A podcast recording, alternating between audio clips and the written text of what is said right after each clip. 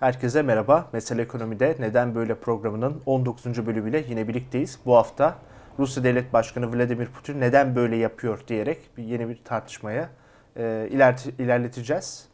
E, tabii bugünün başka önemli bir gündemi daha var. O da e, sonunda bu yeni nesilde üretici enflasyonunda 3 basamaklı haneyi ilk kez gördü. Maalesef üretici fiyat endeksi değişimi %105'e ulaştı. Tüketici enflasyonu ise %55 ki tabii bunlar hep TÜİK'e göre sizler daha farklı ölçüyor olabilirsiniz. Ee, iyi haberi hemen düzeltiyorum. Önce kötü haberi vereyim. Ee, son dönem zamları özellikle bugün konuşacağımız Ukrayna meselesinden ötürü gerçekleşecek zamlar henüz dahil değil. İyi haber eğer bu alanda e, yeni bir olumlu bir gelişme olursa ateşkes yaptırımlarla ilgili bir gevşeme ve benzeri yani bizim ekonomi yönetimimizin dışında olumlu bir şey olursa da bu zamlardan kurtulacağız ama çok da ihtimal dahilinde görülmüyor en azından kısa vadede diyelim. Bugün bunları e, EDAM direktörü Sinan Ülgen'le konuşacağız. Kendisi eski bir diplomat aynı zamanda. Merhabalar, hoş geldiniz. Merhaba, çok teşekkürler davet için.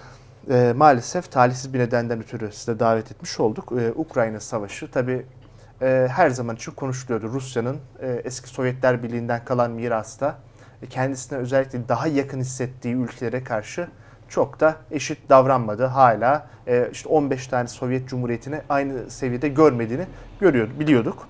E, Batı ile daha hızlı e, eklemlenen e, Baltık devletleri bu durumun dışında kalmayı başardılar. E, ama Belarus olamadı. Ukrayna e, ve e, Gürcistan kalıyor gibiydi. Onlar da kalamadılar bir şekilde ve sonunda e, büyük de bir ülke olmasına rağmen yaklaşık 600 bin kilometre kare 44 milyon nüfus Ukrayna'ya da Rus ordusu girmiş oldu. Benim yaşım hatırlamayacaktır ama Afganistan savaşları vardı o dönemde. Hatta onun üstüne e, bir de Rambo filmleri bile çekilmişti. Şimdi bunun benzerlerini burada görmeye başladık ama toplumun hassasiyeti de daha batıya ne kadar yakınsa, batılı değerlere göre yaşıyorsa ki bazen ırksal nedenler de olabiliyor ki çok da insanca durmuyor ama e, yanlış da olsa olanı söylüyorum. Daha hassas oluyor. Ukrayna'da bunlar yaşanıyor ve ciddi bir insani dram var.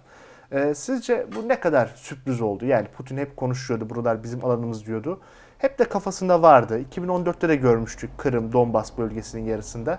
Sürpriz mi oldu yoksa e, biz mi acaba e, Putin'i biraz küçümsedik? Ne dersiniz?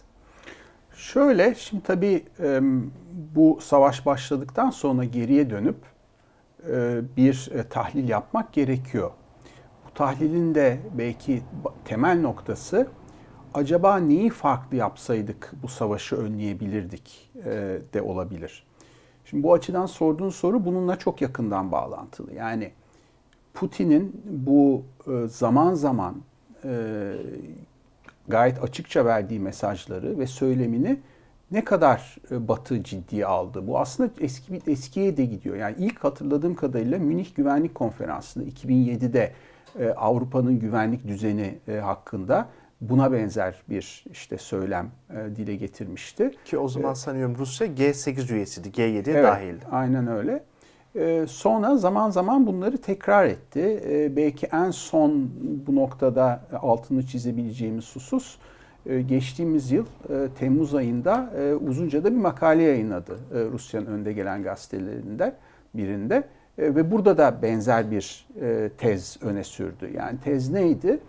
Tez özünde ee, Ukrayna'nın Ukrayna'nın bir bağımsız devlet olmadığı, bir yapay devlet olduğu, buranın tarihsel nedenlerle Rusya ile aynı e, çerçeve içerisinde yer alması gerektiği, Rus-Slav milliyetçiliğinin çıkış yerinin Kiev olduğu e, tezlerine dayanarak işte Sovyetlerin çökmesi sonrasındaki o e, zayıflık döneminden yararlanan Batı'nın Ukrayna'yı kopardı.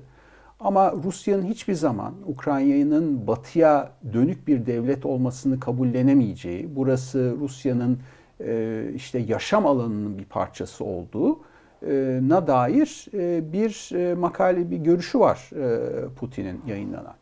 Şimdi bu noktadan sonra tabii işler farklı bir yöne evrildi. E, hatta Rusya işte bu e, operasyon başlamadan önce, savaş başlamadan önce e, Rusya sınırını, e, Ukrayna sınırına asker yığdı. Keza Belarus'a. Ama hep bunları e, hani bu bir tatbikat için buradadır.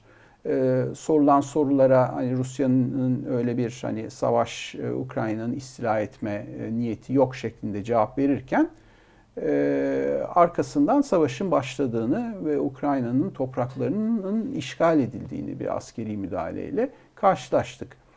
Ee, onun için hani ciddiye almalı mıydık bunu? Evet ciddiye almalıydık. Ciddiye de alanları oldu. Ama ciddiye alıp ne yapacaktık sorusu burada bence daha önemli. Çünkü burada Batı'nın tabii ki başta Amerika olmak üzere şöyle bir opsiyonu vardı. Ya askeri olarak e, bunun karşısında duracak ya da başka yöntemler benimseyecek. Askeri olarak bunun karşısında durmak Rusya ile savaşı göze almak. Bunu yapmadı. Yapmamasında temel nedeni senin başlangıçta verdiğin örneklerde de bence bu gayet net ortaya çıkıyor. En nihayetinde Ukrayna bir NATO ülkesi değil. Ve NATO ülkeleri için sağlanmış olan e, müşterek savunma, müşterek güvenlik 5. E, maddeden yararlanamıyor. O nedenle Polonya sınırında bir çizgi çizildi.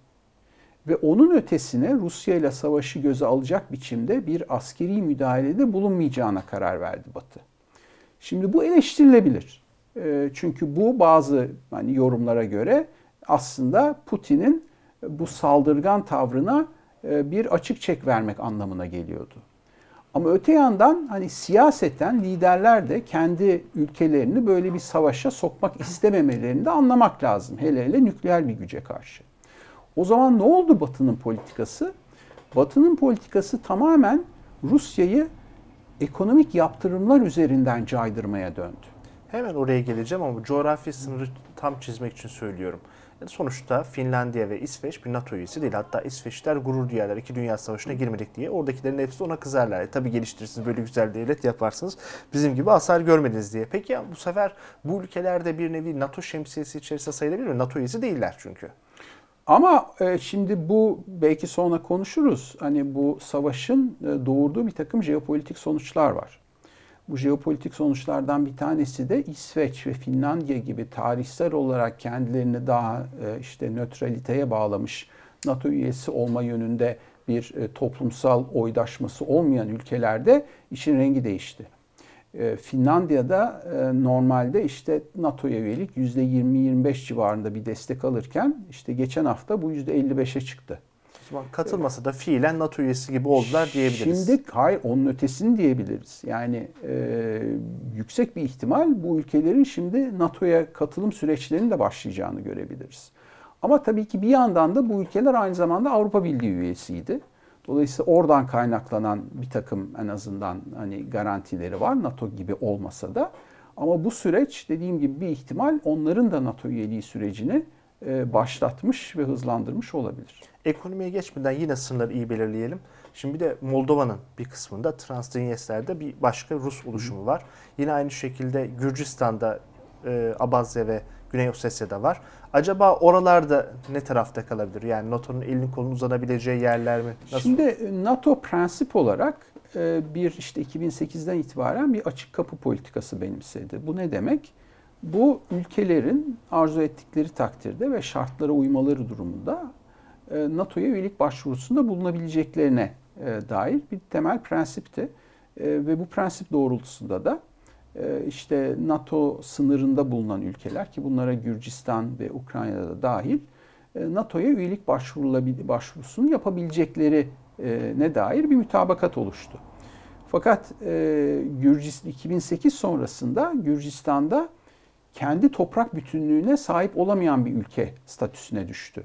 Çünkü işte Abazya ve Güney Osetya'nın Rusya tarafından işgal edilmesi uluslararası toplum tarafından tanınmıyor Gürcistan'ın toprağı bütünlüğüne ait bölgeler onlar. Ama Gürcistan oralarda fiili bir egemenlik sahibi değil e, işgal nedeniyle. O nedenle bu zaten bizzatihi NATO'ya üyeliğin önünü tıkayan bir gelişme. E, çünkü toprak bütünlüğüne sahip olmayan bir ülkenin NATO üyeliği söz konusu olamaz. Çünkü o zaten 5. maddeyi tetikler o boyut itibariyle. Ki Putin de şimdi, bunu söylemişti yani Ukrayna'yı evet, NATO'ya mı alacaksınız, savaşa mı gireceksiniz bize demişti. Evet, e, aynı şey şimdi hatta bundan da önce Ukrayna bakımından da geçerli. Yani 2014 Kırım'ı işgal ve ilhakı aynen benzer bir statü çıkardı e, Gürcistan'a benzer. E, onun için bu iki ülkenin NATO üyeliği zaten öngörülebilir gelecekte üzerinde çok ciddi yorumlar yapılan bir süreç değildi. Bu meseleyi Putin biraz gerekçe olarak kullanıyor. Yoksa fiiliyatta bu iki ülkenin NATO üyeliği hani masada, evet masada mı masada. İlkesel olarak bunun karşısında bir durum var mı? Yok. Ama fiiliyatta bu çok uzun bir vadeye yayılacağını e, zaten herkes biliyordu. Yani kısa kısa dönemde burada herhangi bir gelişmeyi kimse beklemiyordu zaten. Peki şu anda Moldova'nın durumu da böyle mümkün olabilir mi? Bir AB'ye girmesi, etme. En NATO'yu bir kenara bırakıyorum. AB'ye girmesi veya Ukrayna işte Ursula von der Leyen de söyledi Avrupa e, Birliği Komisyonu'ndan e, işte Avrupa'da hissediyoruz diye biz yıllardır bekliyoruz bize gelmezken onlara gider gibi oldu. Yoksa sadece bu savaşın heyecanından söylenen şeyler mi? Şimdi biraz öyle yani Avrupa Birliği üyelik başvurusunu yaptı e, Ukrayna. Onu hani e, biraz yanlış yorumladık. Sanki yarın üye, olacak, üye olacakmış gibi Çünkü bazı yorumlar oldu. Tabii ki. Öyle bir şey yok. Bu bir sembolik destek e, bu üyelik başvurusunun yapılması ve daha kabul de edilmedi zaten. E, konsey tarafından inceleniyor. E, muhtemelen olumlu sonuçlanacaktır. Yani e, Kiev'i, e, Ukrayna'yı bir aday ülke statüsüne kavuşturacaklar. Ama ondan sonra iş ilerleyemez tabii bu şartlarda. E, ama bu bir sembolik jest olarak e, tarihe geçecek muhtemelen. Belki bizim 1963 Ankara Anlaşması onun bir hallicesi gibi. Belki 97-98 resmi üyelik olmamız kadar güçlü bir şey olur mu bilmiyorum ama bir entegrasyonu biraz daha artacaktır. Tabii Ukrayna diye bir ülke olursa. Olursa tabii çünkü o, o çok yani onu konuşacağız muhtemelen. Yani Kiev'deki bugünkü rejimin e, maalesef diyeceğim e, çok fazla bir ömrü olmayacaktır bu askeri operasyon sonucunda. Dolayısıyla başka bir e, iktidar e, yani benim senaryolarımda e, oraya hani daha Rus yanlısı bir iktidarın gelmesi.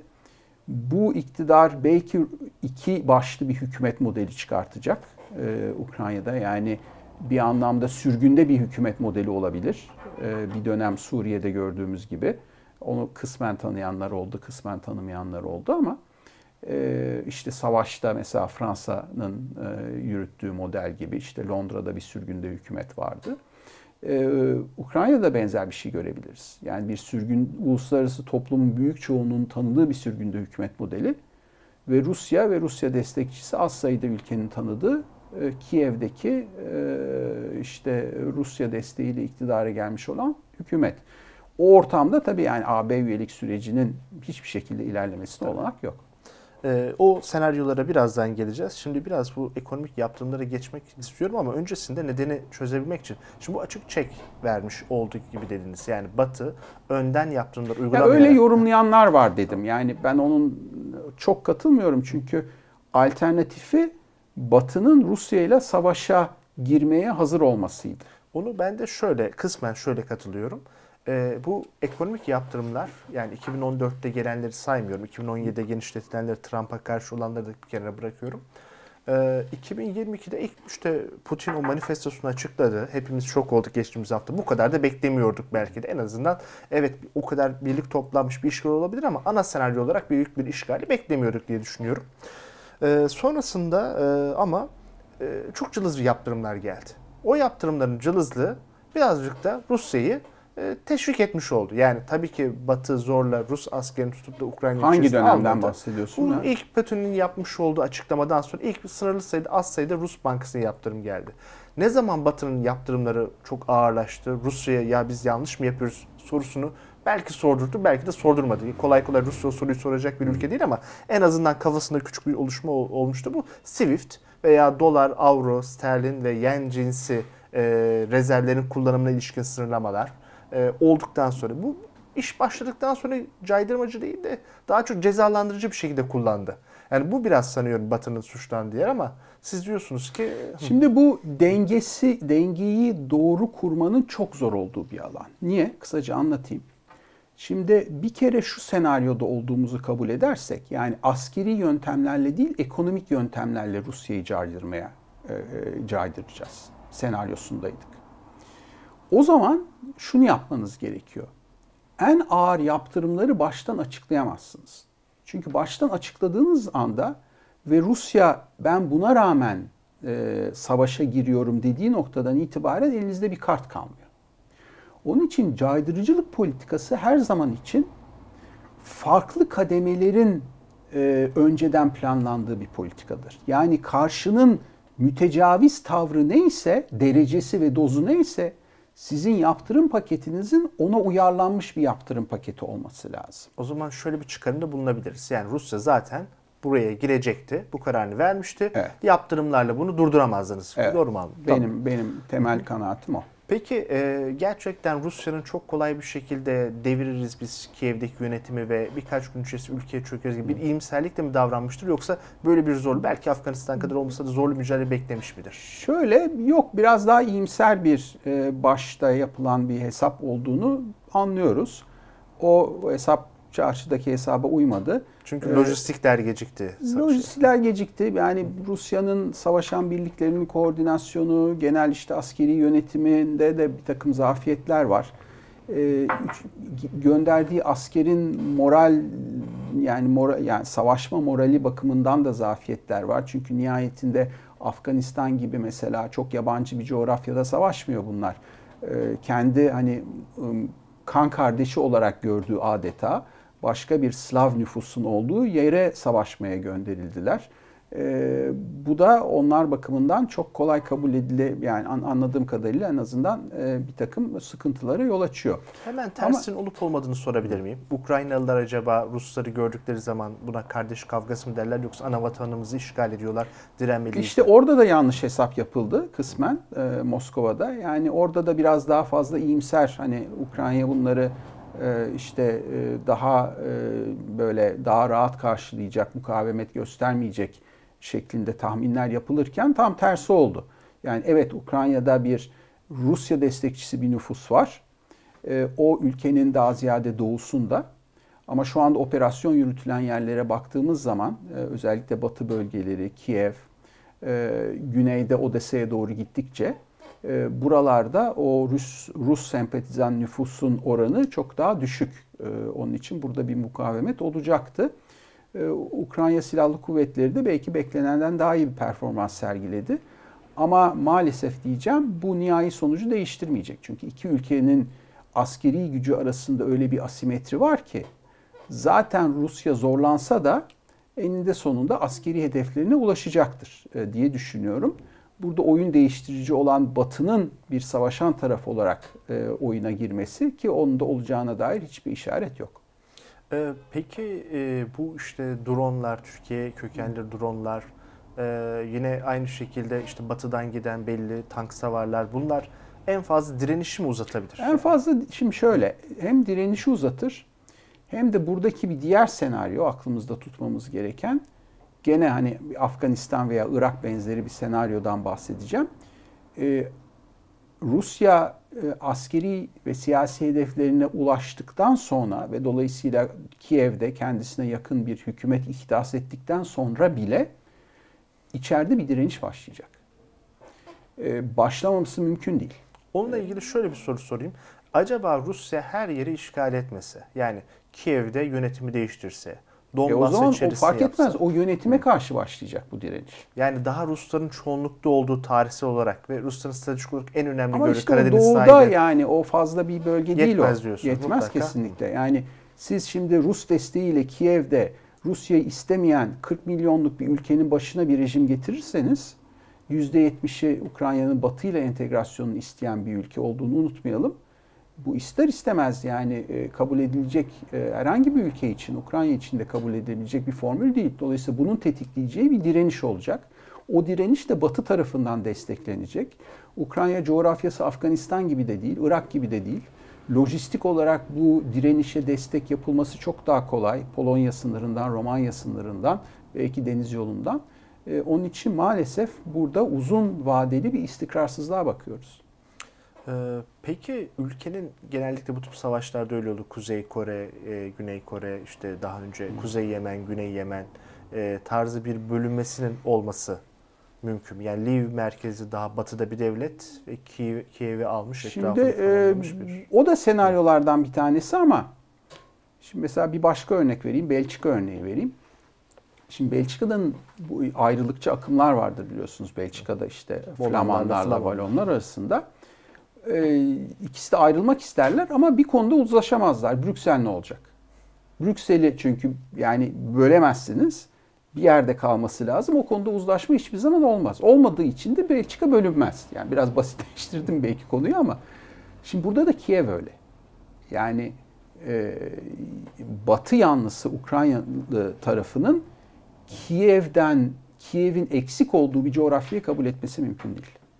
Onun için evet sadece doğuda e, belki bir ihtimal yani öyle bir senaryoda işte Donbas başta olmak üzere e, hani doğuyu bölebilirsiniz bir Doğu Almanya, Batı Almanya gibi yapabilirsiniz ama e, e, Rus tarafı da Kiev olmadan bu bölünmeyi kabul etmez. Yani çok detay belki şimdiden de bilinemeyecek bir şey ama hani Almanya, Doğu Almanya, Batı Almanya gibi ayrıldığı gibi Berlin de ikiye ayrılmıştı. Böyle bir şey çok Yok Berlin o çok sui generis yani o tarihten işte e, çünkü Ruslar o dönemde biliyorsunuz bir e, hani 1950 tam tarihini hatırlıyorum 56 mıydı? E, yani Berlin'i muhasara altına aldılar. İşte Batı ona müsaade etmemek için iki yıl boyunca Berlin'e uçaktan malzeme insani yardım yaptı. En sonunda bir anlaşmaya varıldı. Ee, o yani tarihte bir daha tekrarlanacak bir örnek olduğunu zannetmiyorum. Çok uç bir örnektir. Kullanışlı da değil diyorsunuz. Evet. Yani. Tamam.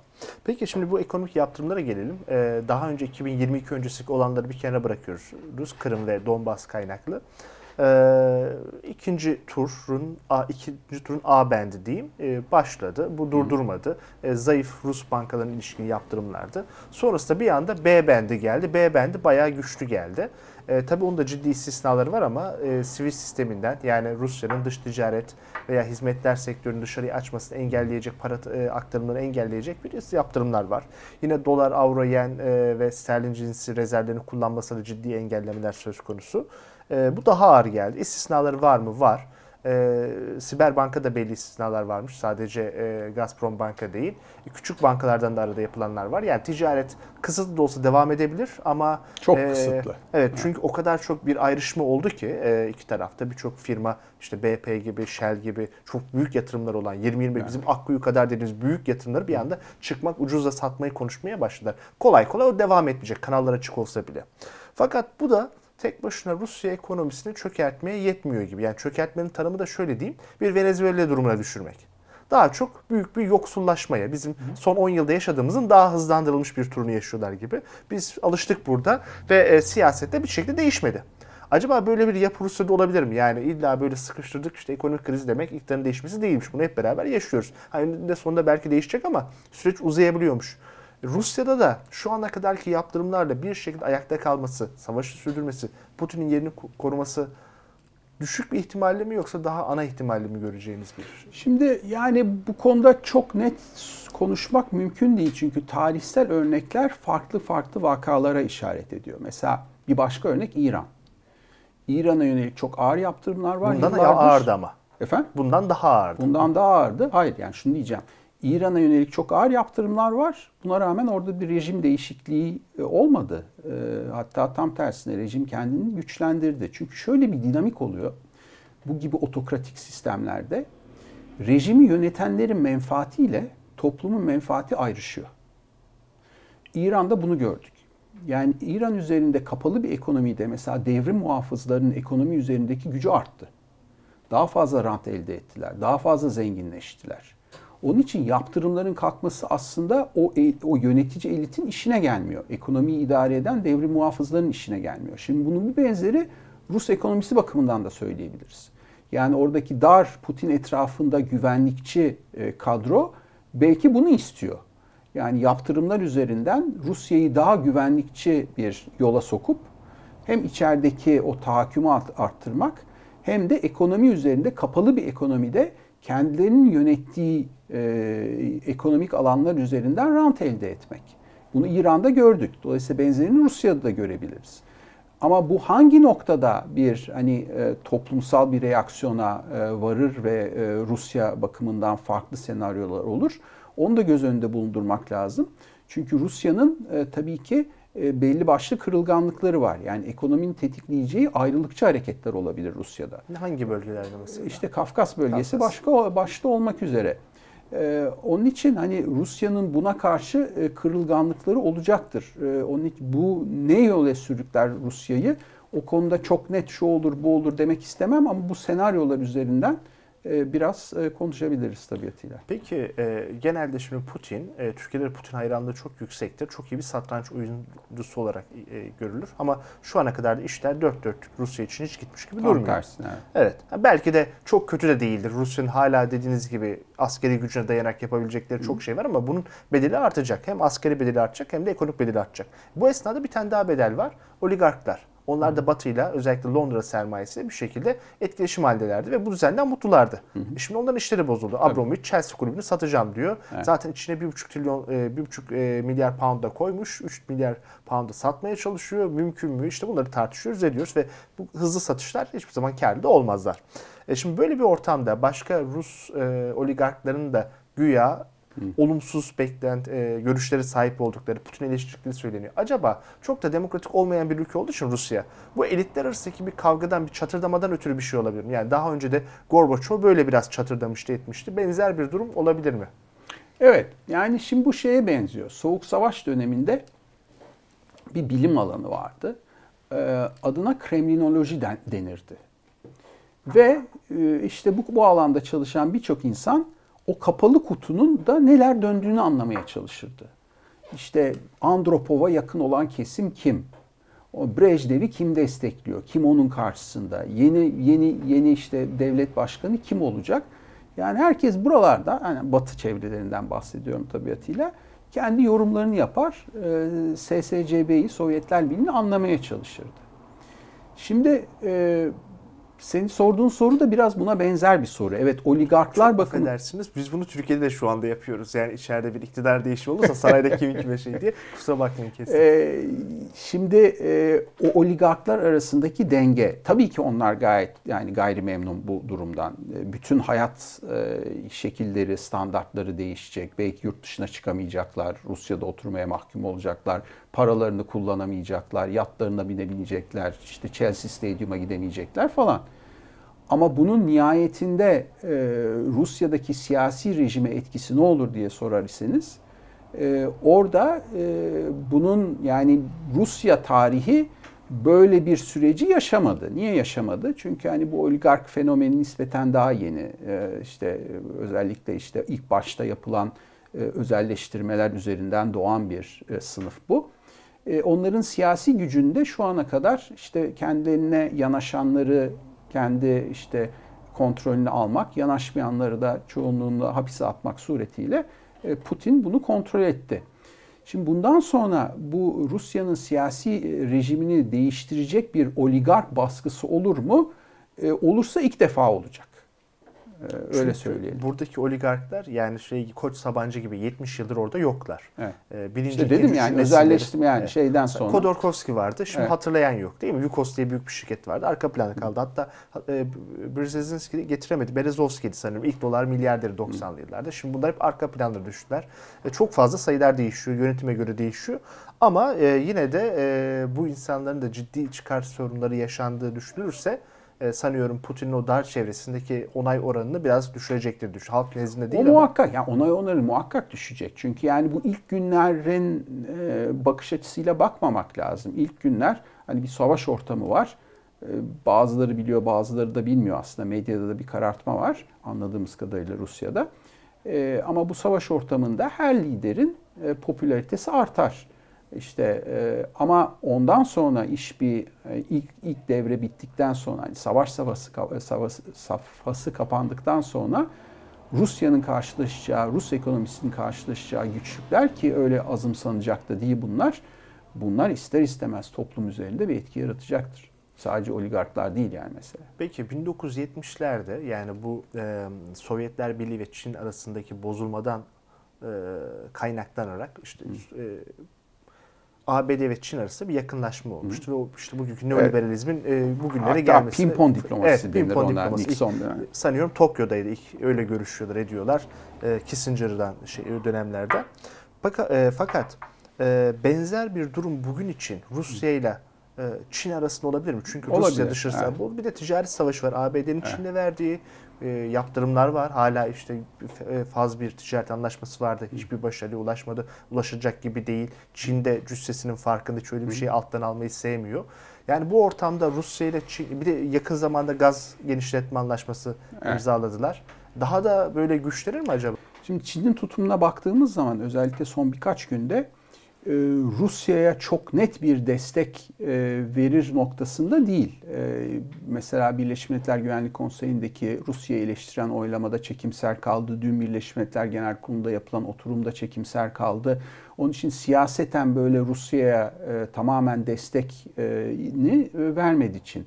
Ama öte yandan hani büyük stratejik oyuna baktığımızda Evet, Çin Amerika ile yani temel stratejik e, ihti- ihtilaf demeyeyim ama yarış Amerika ile Çin arasında olacağına göre ve böyle bir dünyaya doğru gittiğimize göre Çin de bu stratejik yarışta Rusya'yı kendisine daha yakın tutmak isteyecektir. Ama burada Çin'in bu politikasına şekil verecek iki tane ve göz önünde bulundurması gereken iki tane etken var. Bir, Çin'in ekonomisi batıya bağlı. Aslında Çin ile batı arasında bir karşılıklı bağımlılık var. Çin ihracatına baktığınız zaman Rusya'nın payı yalnızca yüzde iki.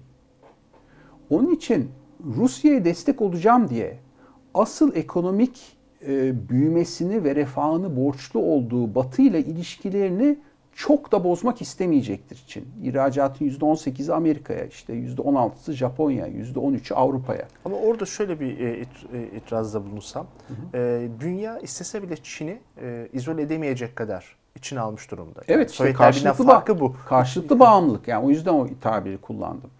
Ama e, Çin'in ticari menfaatine de zarar gelmesini istemeyecektir Çin. Yani batıdan, daha doğrusu uluslararası toplumdan dışlanmış İran gibi bir ülkeyle çok yakın ilişkiler kurması zor e, Çin'in. Rusya'dan bahsediyorum burada. E, birin, e, birinci e, burada e, yani Çin'i etkileyecek olan faktör o. İkincisi de Rusya'nın siyaseten ne kadar bir ihtilaflı yani Batı'yla başta Avrupa ve Amerika olmak üzere ne kadar ihtilaflı bir döneme girdiği de Çin bakımından önemli olacak. Çünkü Çin dış politika olarak bir takım prensipleri var Çin'in. Bu da ülkelerin toprak bütünlüğüne e, saygı gösterilmesi. Tam da gelmişken Egemenliklerine saygı gösterilmesi. Kısaca- Çünkü Çin de kendi içinde bir takım sorunlar yaşıyor tabiatıyla e, Sincar bölgesi başta olmak üzere. kısaca sorayım. E, Tayvan'a buradan bir e, deneme Evet. olabilir mi? Çünkü o, Olabilir. Korkulan bir senaryo bu. Ee, ve zaten hani Rusya'nın bu, bu Ukrayna'ya saldırısına bir e, sert tepki verilmezse bu uluslararası düzen içerisinde Çin'in de iştahını kabartabilir e, Tayvan'a yönelik diye e, yorumlar da var. E, çok sıkça rastladığımız. Onun için hani Rusya'ya verilecek e, tepkinin bir de öyle bir boyutu var. Yani Çin'e bir ders vermek, daha doğrusu Çin'i caydırmak e, boyutu da var. E, ama her zaman için Tayvan hani bir e, sorun, bir potansiyel jeostratejik sorun. Doğru. Peki tam da bu esnada iki konuyu birleştirelim. Bir, şu anda e, yine e, dün Biden'ın da yaptığı açıklamalardan sonra petrol fiyatları iyice yukarı gitti. Yeni yaptırımlar endişesi var. Rusya'ya zaten bu alanda teknoloji satmaya dair e, engeller vardı.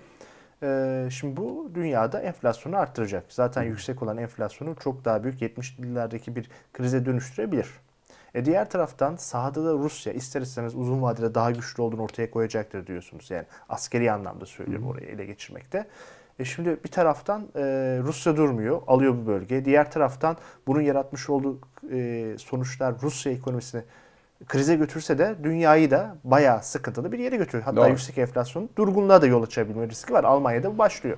Şimdi böyle bir ortamda acaba e, daha ne kadar batı ileri gidebilir? Mesela tamamen petrol ve doğalgazı kesecek kadar SWIFT yaptırımları, tamamen işte tedarik e, zincirinin bozulmasını göze alarak daha büyük şeyler deneyebilir mi? Bir anda Rusya'yı durdurabilmek için. Deneyebilir. Yani petrol doğalgaza kadar gider mi iş çok emin değilim. Ama bu yaptırım rejimini daha da arttırma alanı var. Niye var? Mesela şimdi e, hani Allah'a şükür bu kadarını görmedik ama yani bundan sonra Rusya sahada taktik değiştirip böyle şehirlere girip orada e, hani Suriye'de gördüğümüz gibi, Grozny'de daha önce gördüğümüz gibi katliamlar yapacak olursa Batı buna tepkisiz kalmayacaktır. Tepkisi de ne olacaktır? Mevcut yaptırımları daha da arttırmak, daha da ağırlaştırmak olacaktır. Onun için şu anda her şey masada bence. Yani yaptırımları uygulamaktaki sıkıntı hangi ülkeye hangi yükün düşeceğiyle ilgili. Yani uzunca süre Almanya'nın e, Nord Stream 2 hattını tamamen Kuzey Akım 2 hattını iptal etmemesi de biraz Hı. buradan kaynaklanıyor. Çünkü kendisini ilgilendiriyordu. Dolayısıyla evet. buna gönüllü yaklaşmadı. Ama iş belli bir yere gelirse ekonomik yüküne rağmen Batı bunu e, göze alır diye düşünüyorsunuz. Aldı. Yani Almanya Kuzey Akım 2'yi iptal etti. Ama zaten akmıyordu oradan gaz. Ama akacaktı. Yani orada çok ciddi bir beklenti vardı ve şu ana kadar da hani bu olmasaydı da Almanya her türlü baskıya karşı Kuzey Akımı hatta yani bir hafta öncesine kadar bile Amerika ziyaretinde Scholz'un çok net bir mesaj vermekten de imtina etti. Ama ne oldu? Sonuçta lisans lisanslama sürecini askıya aldı ve artık bu ortamda öngörülebilir gelecekte onun hayata geçmesi mümkün değil. Ee, onun için evet doğru yani yaptırım rejimlerinin zaten bir temel özelliğidir bu. Karşı tarafa bir zarar verir ama yaptırım uygulayan ülkeye de bir ölçüde zarar verir. Ee, evet hatta şöyle bir durum var e, Rusya gazı daha az satsa dahi gaz fiyatı artışından ötürü daha çok gelir elde etme ihtimali bile olabilir. Çünkü birebir tedarik zinciri hemen onun boşluğu dolduramıyor. Doğru olabilir ama o bir geçici bir süre. Doğru. Kaldı ki elde ettiği geliri nasıl tahsil edecek? O paralar nerede duracak? Yani orada ciddi sorunlar var. Bir de kış aylarının sonuna yaklaşılıyor. Evet. Bu da biraz daha Avrupa'nın lehine olan bir şey. Peki e, Türkiye'ye birazdan e, hatta şimdi geçelim Türkiye'ye. Ee, şimdi bütün bunların esnasında bir de Türkiye var. Yaptırımların içerisinde Türkiye'nin de olması istenecek ama Montreux'un ötesindeki bir yaptırımı Türkiye'nin uygulaması... Montreux yaptırım değil, onu konuşuruz. Düzelteyim öyleyse. Yani Montreux uygulamanın ötesinde Türkiye'nin de içerisinde bulunacağı bir e, hamle çok kolay gözükmüyor. Evet. Hava sahamızı kapatma ihtimalimiz bence epey düşük. Çok düşük. Evet. E, dün baktım Hindistan'da e, kararda çekimsel oy kullanmış. Muhtemelen Çin'le birlikte Hindistan'da kapatıp Rusya'yı tamamen bir de böyle taşımacılık, e, ulaşım anlamında kapatmaları da olası gözükmüyor. Hı. Batı'ya kapattılar ama Türkiye'den de bunu turizmden ötürü beklemiyoruz. Ama her koşulda Türkiye zarar görüyor. Daha fazla petrol, daha fazla doğalgaz e, parası artı ihracat yapamama, turist getirememe. Gıda. Gıda, bir de gıda, gıda var. Ha, hemen onu sorayım. Yani gıdayı kullanabilir mi Rusya buna yoksa gıda fiyatları artış kadar mı zarar görürüz? Yok artış kadar zarar görürüz. Ben orada bir yani ihracat ambargosu beklemiyorum. Bu S-400'ler ve Akkuyu gibi bizi ilgilendirebilecek diğer alanlara bir etkisi olur mu? Olur. Yani şöyle olur. Mesela daha yeni yeni konuşmaya başlıyoruz bunu ama mesela Akkuyu ele alalım. Akkuyu dünyada bir nükleer santralin yap işlet modeliyle yapıldığı ilk model. Bugüne kadar böyle bir model yok nükleer enerjide. Yap işlet modeli ne demek? Yap işlet modeli bütün sermaye yatırımının e, bu örnekte Rusya tarafından yapıldığı model demek. Şimdi acaba bu şartlarda bu kadar finansal olarak sıkışmış bir, Rus, bir Rusya Akkuyu'ya para aktarmaya devam edebilecek mi? Yani 25 milyar dolarlık falan bir yatırımdan bahsediyoruz. Alım garantisi var onun karşılığında. Parayı önemli, alacak. Ama önemli değil. Başta bu parayı verebilecek mi Akku'ya? Yani şu anda çok daha farklı öncelikleri olan bir ülke Rusya. Peki Rusya ile bir swap anlaşması yapıp da kendi para cinsimizden bunu biliyorsun Yok, swap o işe, çok popüler o işe ama. yaramaz ama orada daha e, belki e, olası model e, zaten zaman zaman Rusya tarafı bunu dile getiriyordu. E, belki o konuda baskısı artacak ve e, Türkiye'nin elini taşın altına koyması Rusya'nın işte oradaki e, belli oranda e, mülkiyetini satın alıp yatırıma Türkiye'nin de katılmasını isteyecektir diye düşünüyorum. Peki e, yaptırımlara Türkiye çok fazla katılamazsa ki ekonomik alanda dar gerçekten şu anda bir krizde olduğu için Türkiye. E, batı'dan bir e, sonuç alabilir mi? Olumsuz bir sonuç alabilir mi?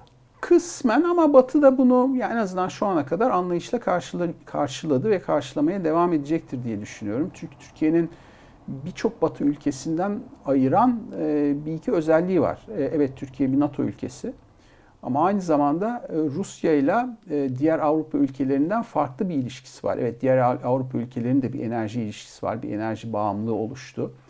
Ee, ama yani ekonomi olarak e, Türkiye gibi özellikle turizm boyutu itibariyle Rusya Türkiye'ye en fazla turist gönderen ülke. Orada bir e, hani bağımlılık var. Fakat bunun ötesinde belki de en önemlisi e, diğer NATO ülkelerinden Türkiye'yi ayıran yakın coğrafyamızda Rusya'nın desteğine ihtiyacı desteğini hissettiğimiz alanlar var. Bunların başında da Suriye ve İdlib geliyor. E, onun için bunun yani bu açmazın diyelim Türkiye bakımından ve Rusya'ya karşı oluşturduğu kırılganlığın e, Batı tarafından da e, göz önünde bulundurulacağını düşünüyorum. Bugüne kadar öyle oldu. Türkiye üzerinde bu yaptırımlara katıl şeklinde çok aşırı bir baskı oluşmadı. Türkiye'de bunun karşılığında tabii siyaseten Rusya'ya yönelik zaten eleştirisini çok daha yüksek dozda yapmaya başladı. E bir yandan Ukrayna ile ilişki devam ediyor. Hatta daha dün bir açıklama yapıldı. Yeni e, e, SİHA'lar gönderildiğine dair en azından Ukrayna tarafından açıklama yapıldı. Dolayısıyla Türkiye bu ilişkiyi bu şekilde bir e, denge politikası üzerinden yürütmeye çalışıyor. E, en nihayetinde bu baskı unsuru e, nereye gider göreceğiz ama Türkiye prensip olarak zaten e, şunu dedi bugüne kadar. E, Türkiye'nin buradaki tutumu Birleşmiş Milletler Güvenlik Konseyi tarafından çıkarılan yaptırımlara taraf olmak ve onları uygulamak. Onun haricinde ülkelerin veya ülke gruplarının uyguladığı yaptırımlara Türkiye taraf olmuyor ilkesel tutumu İran'da itibariyle. da olmamıştı değil mi? İran'da BMG kat yani şey oldu. Amerikan yaptırımlarına taraf olmadı. Orada işte tabii bir Halk Bank hadisesi var ama o sadece yaptırımları delme hadisesi değil. Orada yani başka e, boyutlar da var Halk Bank işinde. E, Rusya tarafında şunu eklemek lazım. Ama her ne kadar ki bunu yakından izlememiz gerekiyor. Her ne kadar Türkiye devlet olarak e, Avrupa'nın veya Amerika'nın yaptırım rejimine taraf olmayacaksa da o ülkelerin hayata geçirmiş olduğu yaptırımların secondary sanctions evet. denilen ikincil etkilerinden ikincil etkilerinden etkilenebilir. Bu ne demek?